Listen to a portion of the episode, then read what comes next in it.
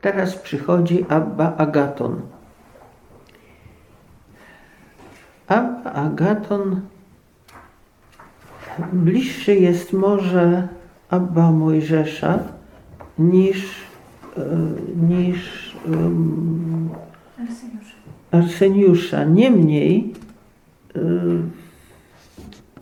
jest y, powiedzmy jakąś syntezą może obu. Mm, Po grecku agaton zna- znaczy dobry i to imię rzeczywiście do niego głęboko pasowało.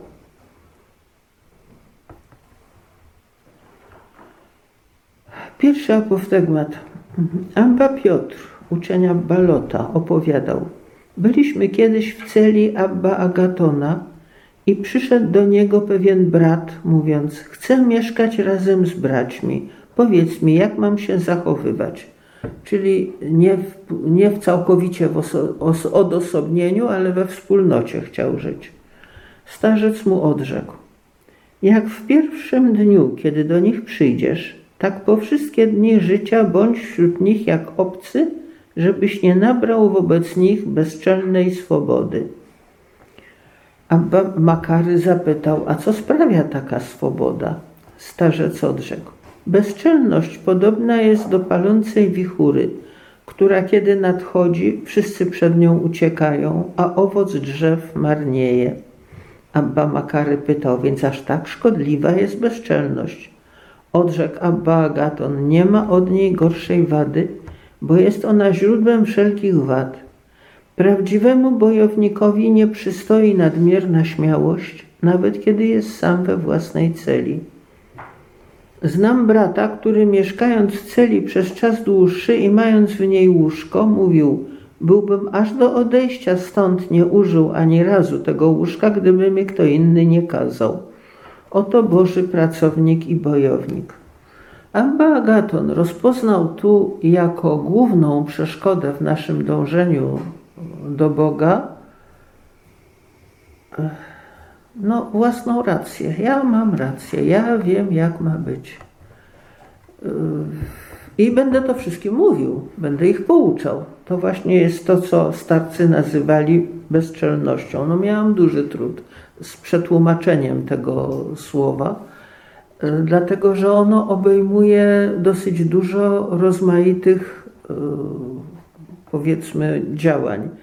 W końcu zdecydowałam się właśnie na polskie słowo bezczelność, dlatego że ono pokazuje, że człowiek nie ma względu, taki człowiek nie ma względu na innych, na ich prawa, na ich racje, na ich y, działanie. On tylko po prostu sam wie lepiej. Oczywiście takiej, takiego stosunku do swojego otoczenia można nabrać pomału, na ogół. Rzadko się zdarza, żeby ktoś, tak jak tu jedna postulantka była, co to przyszła do nas, chyba jakiś tydzień albo dwa wytrzymałyśmy z nią, jeszcze za czasów mojej młodości. Chciałam mieć konferencję dla zakonnic, żeby nas wszystkie pouczać, na czym życie zakonne polega. No więc ta już przyszła z góry jako wiedząca lepiej, prawda? Na ogół y, człowiek tej postawy nabiera y, w miarę przyzwyczajenia do otoczenia. Już tak wszystkich zmierzył, prawda, co kto jest wart. No i teraz on tu będzie dyktował swoje. Mm, Dlatego y, Abba Agaton mówi, że bądź jak obcy pod tym względem jak obcy, nie pod żadnym innym, nie pod takim, żeby na przykład nie czuć wspólnoty ze swoimi bliskimi, nie, nie mieć dla nich sympatii i tak dalej, tylko pod tym właśnie jedynym względem, żeby nie zrobić się pośród nich jak ten, który zawsze ma rację. Powiedział Abba Agaton. Mnich nie powinien pozwolić, aby sumienie oskarżało go o cokolwiek. No to jest duże wymaganie, dlatego że człowiek potrafi nieraz latami całymi zapychać w jakiejś konkretnej sprawie, nie w ogóle, ale w jakiejś konkretnej sprawie, zapychać swoje sumienie w kąt. On ma argumenty i sumienie bądź cicho, bo argument y, powtórzę ci jeszcze raz.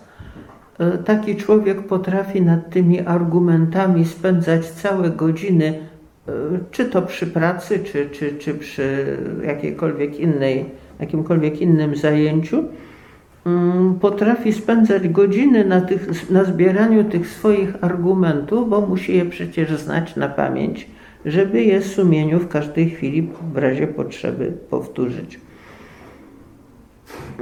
No, jeżeli mamy słuchać naszego sumienia, to takie y, sprawy trzeba jednak poddać pod jego osąd i wyciągnąć wnioski.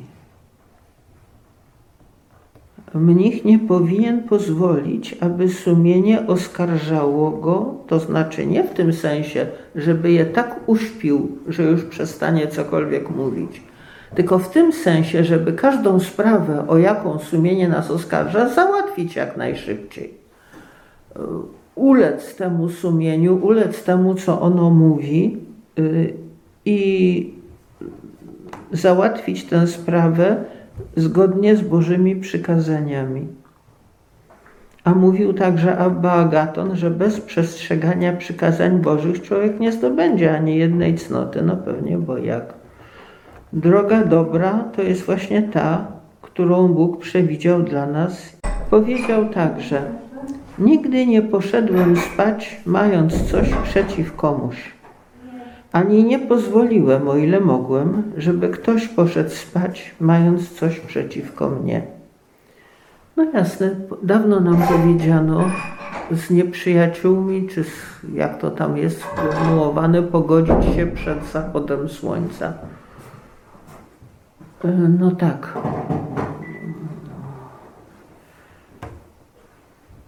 To jest też jedno z trudnych przykazań. Y, mogłoby się zdarzyć w takim razie, że Abba Agaton y, musiał iść daleko i dużo czasu spędzić pod zamkniętymi drzwiami jakiegoś innego pustelnika, zanim by go wreszcie ubłagał, żeby mu przebaczył. Bo samemu przebaczyć, no to można na miejscu, nie trzeba nawet mówić o tym y, temu bratu. Y, że ach, ja ci przebaczam. Przebaczenie, które się deklaruje, ja ci przebaczam, to nie jest żadne przebaczenie, to jest tylko demonstracja złości. Mm, ale y, na ogół najlepiej jest właśnie przebaczyć po cichu, i potem ten brat zobaczy to po naszym uśmiechu, po naszej życzliwości, po naszej atmosferze, z jaką, w jakiej go witamy. Natomiast e, ubłagać cudze przebaczenie to może być trudno. Oczywiście zdarzają się wypadki, w których to jest całkiem nawet niemożliwe, e, ale to są wypadki na ogół chorobliwe. E, pamiętam taką siostrę, dawno już nie żyje, która jeśli z daleka zobaczyła, że na drugim końcu podwórka dwie siostry rozmawiają ze sobą, to była święcie przekonana, że rozmawiają o niej i że na pewno mówią o niej źle, a jeżeli się jeszcze w dodatku roześmiały, no to już na pewno śmieją się z niej. I nie było siły, żeby jej wytłumaczyć, że tak nie jest. No więc gdybyśmy miały czekać ze wszystkim, y, aż ona przebaczy tę rzekomą zniewagę, no to nie byłoby, musiałybyśmy z tym czekać dosłownie do jej pogrzebu.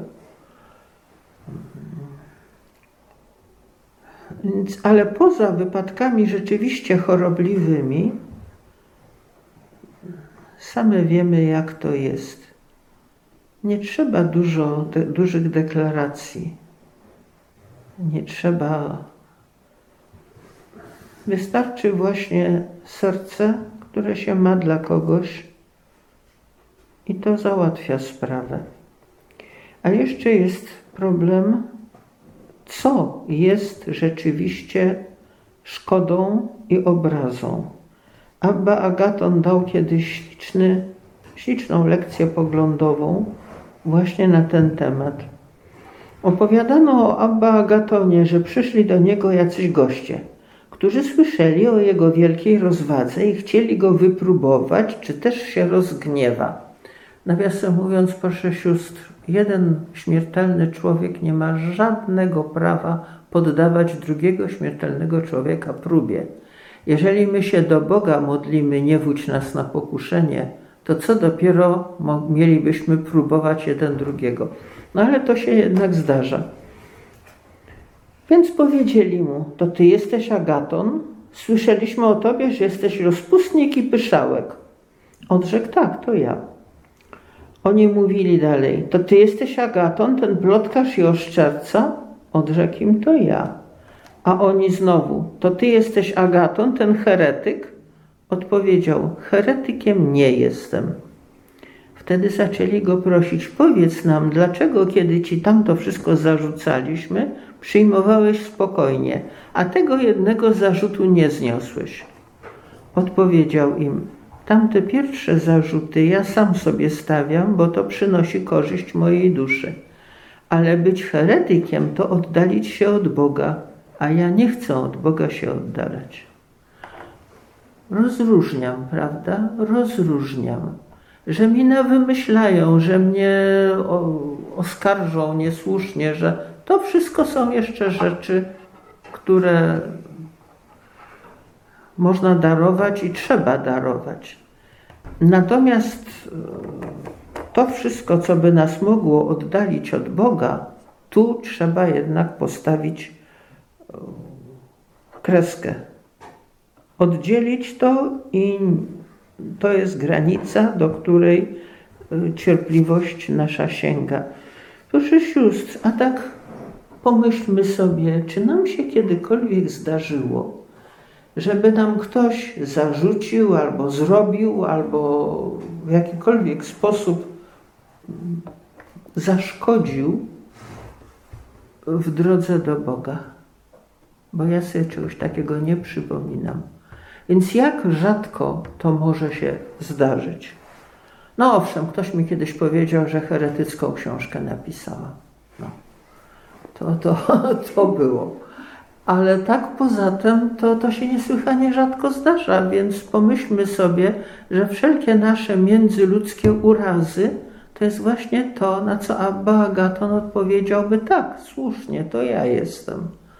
Bez bronienia się, bez urządzania zaraz całej hecy na temat, że ktoś mnie tak strasznie znieważył.